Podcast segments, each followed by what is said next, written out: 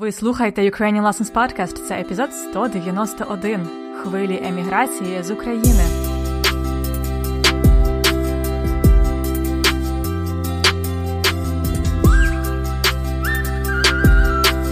Привіт-привіт! Це Анна і ще один епізод подкасту Уроки української подкасту для всіх, хто вивчає і любить українську мову. І це 191 епізод.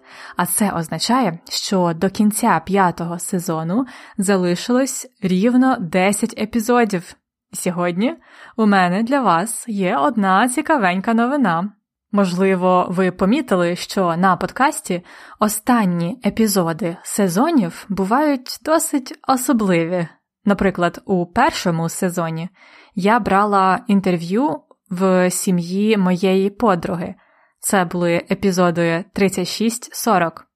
У другому сезоні ми мали дуже популярну серію уроків Короткий курс історії України. Це уроки 71-80. Ви можете їх знайти. А минулого року, в четвертому сезоні, останні 10 епізодів були про відомих українців. Це епізоди 151-160. Так от, цього разу на вас знову чекає щось особливе. Так, і це пов'язано з темою сьогоднішнього епізоду Еміграція з України. Річ у тім, що Україна це не тільки країна в Східній Європі, українці живуть не тільки в Україні, є сила селенна українців у всьому світі. Вони, їхні сім'ї, також е, українські спільноти, організації це теж Україна. Тому цю серію епізодів я хочу присвятити їм. Сьогодні ми почнемо з загальної інформації про еміграцію з України та історію, так звані хвилі еміграції. А з наступного епізоду я буду запрошувати на подкаст українців, які живуть в різних країнах світу. Тобто це будуть е, такі невеличкі інтерв'ю і також розбір десяти речень, як завжди. Сподіваюсь, ви з нетерпінням чекаєте цих епізодів інтерв'ю. А зараз почнімо сьогоднішню тему хвилі еміграції з України. У давніші часи історії України еміграція була переважно політичною. Наприклад, коли Україна стала частиною Російської імперії на початку XVIII століття, з України виїхали представники козацької старшини, тобто ті люди, які керували військами козаків проти росіян. І для них це була суто політична причина емігрувати після війни. Наприклад, з України виїхали прибічники гетьмана Мазепи, який воював проти росіян разом з шведською армією Карла XII. За кордоном ці люди продовжували активну проросійську діяльність. Це була така невелика політична еміграція. Однак справжня масова еміграція з України почалась у другій половині 19 століття і тривала до початку Першої світової війни. Цю еміграцію називають Перша хвиля еміграції з України. Це була трудова еміграція. Тобто люди виїжджали в пошуках роботи і кращої долі. Фактично, тоді вони їхали в невідоме, бо не збирались повертатись. І це були переважно далекі-далекі країни в Америці, у Північній і Південній Америці. Люди сідали в кораблі і їхали в різні кінці світу до Сполучених Штатів, Канади, Аргентини, Бразилії, а також Австралії, Нової Зеландії, на Гаваї, З одного боку, так, люди шукали кращої долі за кордоном, але з іншого боку, саме політична ситуація змушувала людей переїжджати. Права людей в Російській імперії суворо обмежували, було багато заборон і мало хорошого взагалі. Я думаю, я розумію тих людей, які кидали все і вирушали за 3-9 земель. Більші можливості емігрувати були в українців на Західній Україні, особливо в Галичині. Галичина це територія України на Заході, навколо міст Львів, Тернопіль, Івано-Франківськ. На початку ХХ століття тільки зі східної Галичини, яка була в складі України, емігрувало понад 302 тисячі українців. На той час це дуже багато. Також багато виїжджали з інших західних регіонів, з Буковини і Закарпаття. До речі, на подкасті є докладні епізоди про ці так звані історичні регіони України. Це епізоди 168 і 169. Отже, це була перша хвиля еміграції трудова. Друга хвиля відбувалася між війнами, між Першою світовою війною і Другою світовою війною. Цю хвилю зумовила ціла сукупність причин. Це і соціальні, і економічні, і політичні причини. Після Першої світової війни на території України відбувалося багато протистоянь, війн, революцій. Врешті-решт перемогла радянська влада, а ті, хто був проти неї, особливо ті, хто підтримували українських націоналістів, були змушені або ховатися, або емігрувати.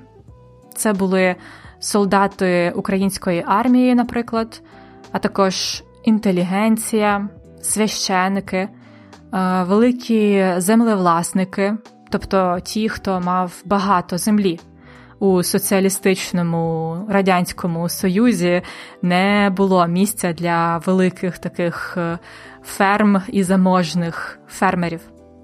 Отже, ці люди виїжджали до Польщі, Чехословаччини, Австрії, Румунії, Болгарії, Німеччини, Франції і знову ж таки США і Канади.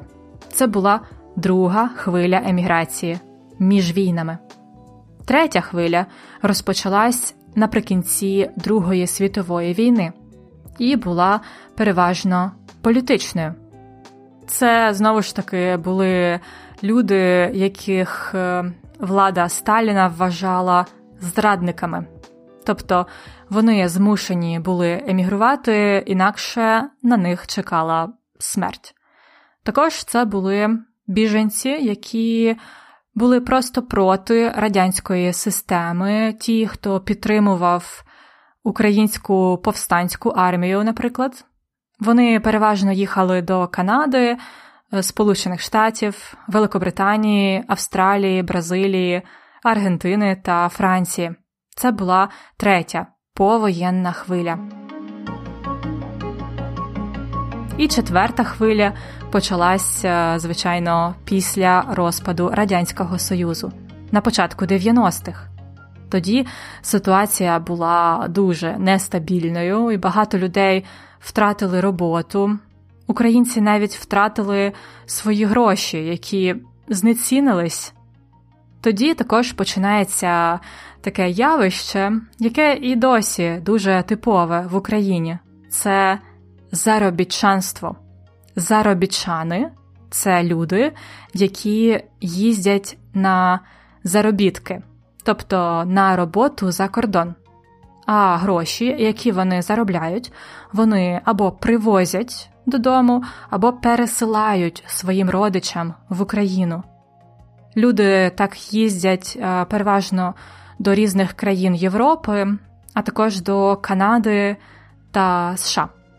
За різними підрахунками, в 90-х на постійну або тимчасову роботу з України виїхало від 7 до 10 мільйонів людей.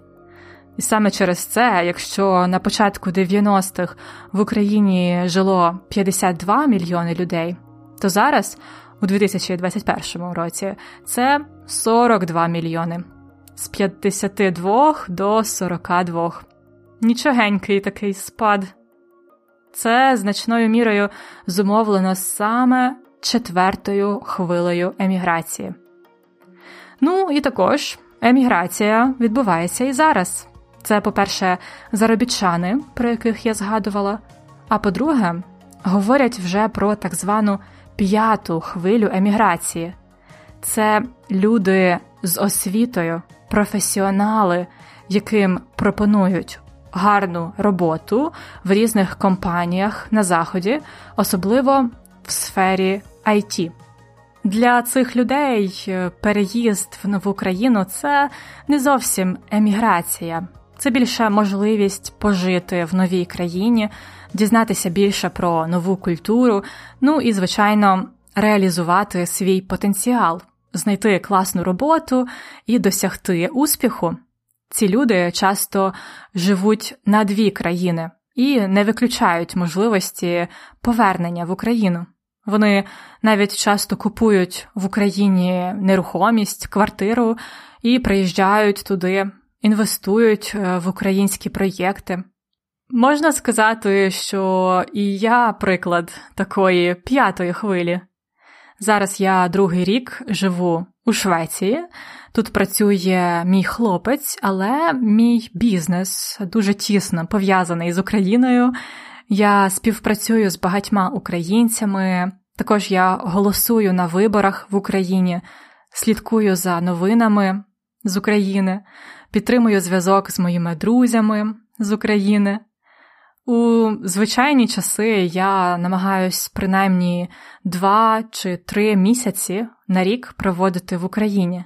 Але зараз, під час коронавірусу, це, мабуть, буде тільки один місяць. Таку еміграцію важко назвати еміграцією. Це явище зараз дуже типове по всьому світу. Люди багато переїжджають, подорожують, і це супер. А от е, ті українці, які раніше емігрували, дуже часто зберігають свої українські традиції, об'єднуються в так звані громади і таким чином зберігають свою українську ідентичність. Як на мене, сьогодні як ніколи важливо розуміти, що Україна і українці це не тільки одна велика і гарна країна на сході Європи, українці є всюди. Пам'ятаю, перший раз я приїхала е, в Стокгольм і їхала на метро в Стокгольмі, і перші люди, яких я там побачила, розмовляли українською мовою. Так, це було дуже смішно. Так от е, українська діаспора і заробітчани, і також просто всі українці, які зараз за кордоном, це дуже-дуже багато людей, і всі вони є частиною України. Саме тому я вирішила організувати таку невеличку серію епізодів на подкасті. Це будуть інтерв'ю з українцями, які живуть в різних країнах світу. Я планую, що це буде вісім країн. Це будуть точно такі країни, як Аргентина, Японія, Шотландія, тобто не тільки Канада і США. Хоча, звичайно, куди ж без них. Тому не пропускайте наступних епізодів з інтерв'ю, підписуйтесь на Ukrainian Lessons Podcast у вашій улюбленій програмі для подкастів. Перше інтерв'ю вже наступного разу. 10 корисних речень. А зараз розгляньмо цікаві речення з моєї розповіді. Перше речення є сила селенна українців у всьому світі. Сила силенна. Це дуже-дуже багато.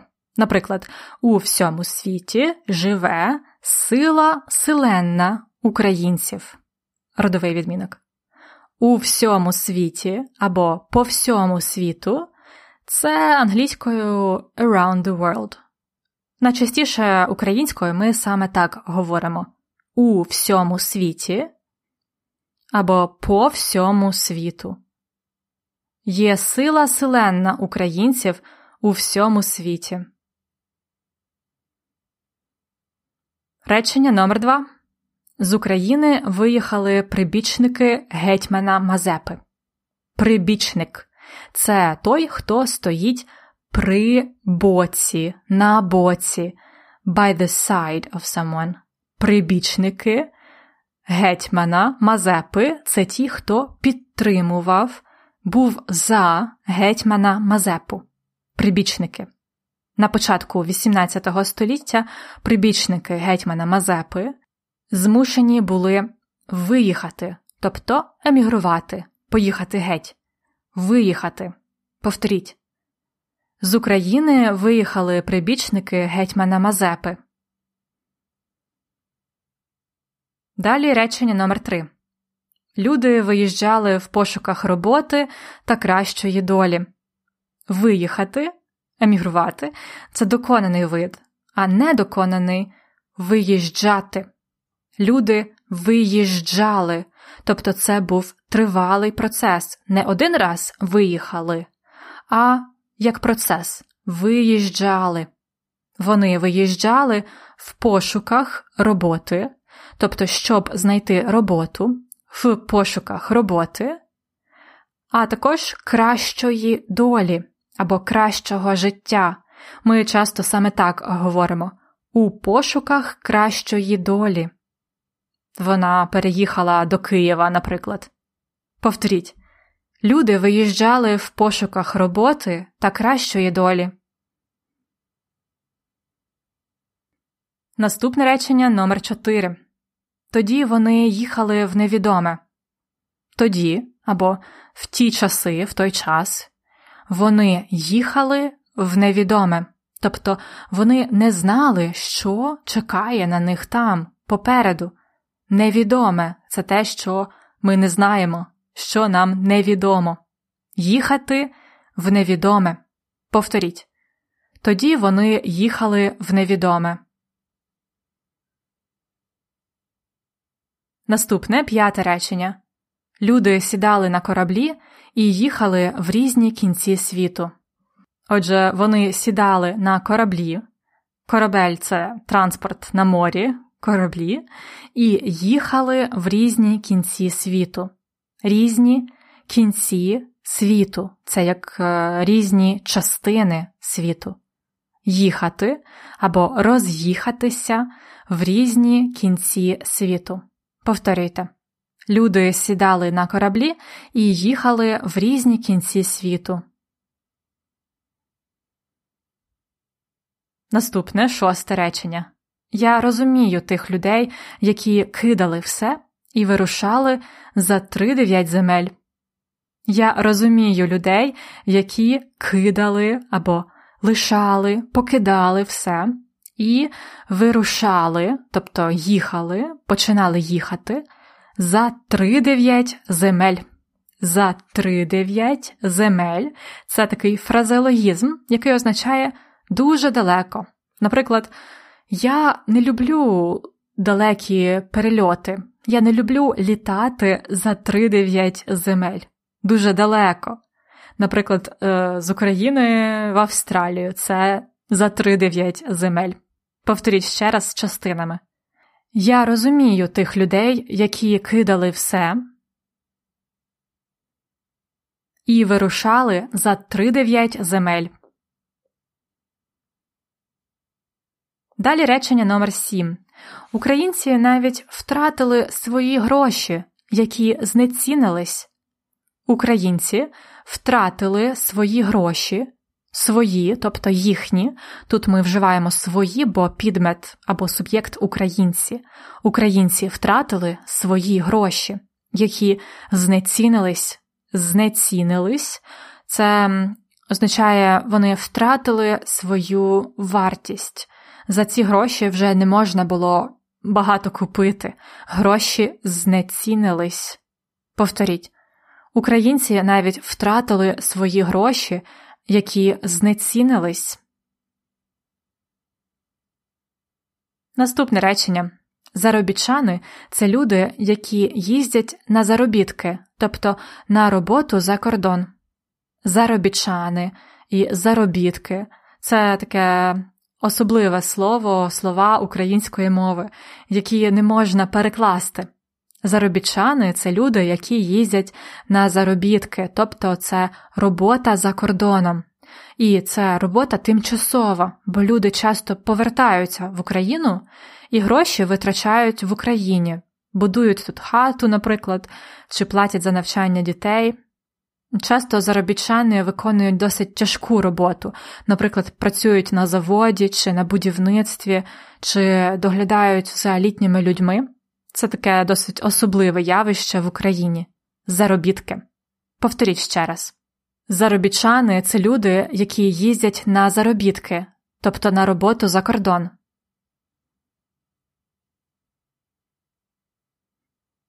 Наступне речення нічогенький такий спад.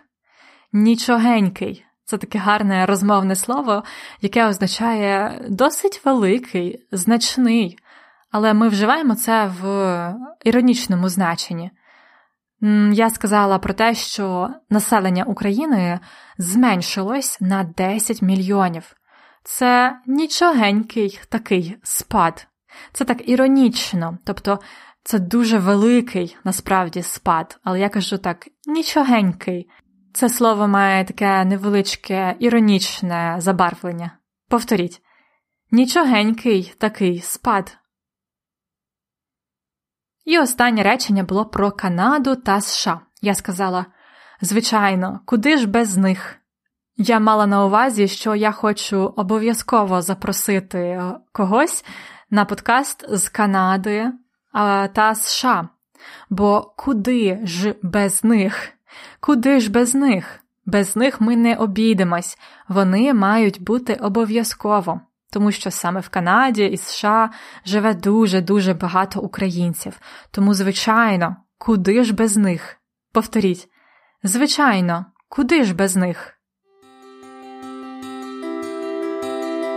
Отже, не пропустіть наступного епізоду з першим інтерв'ю з українкою з-за кордону.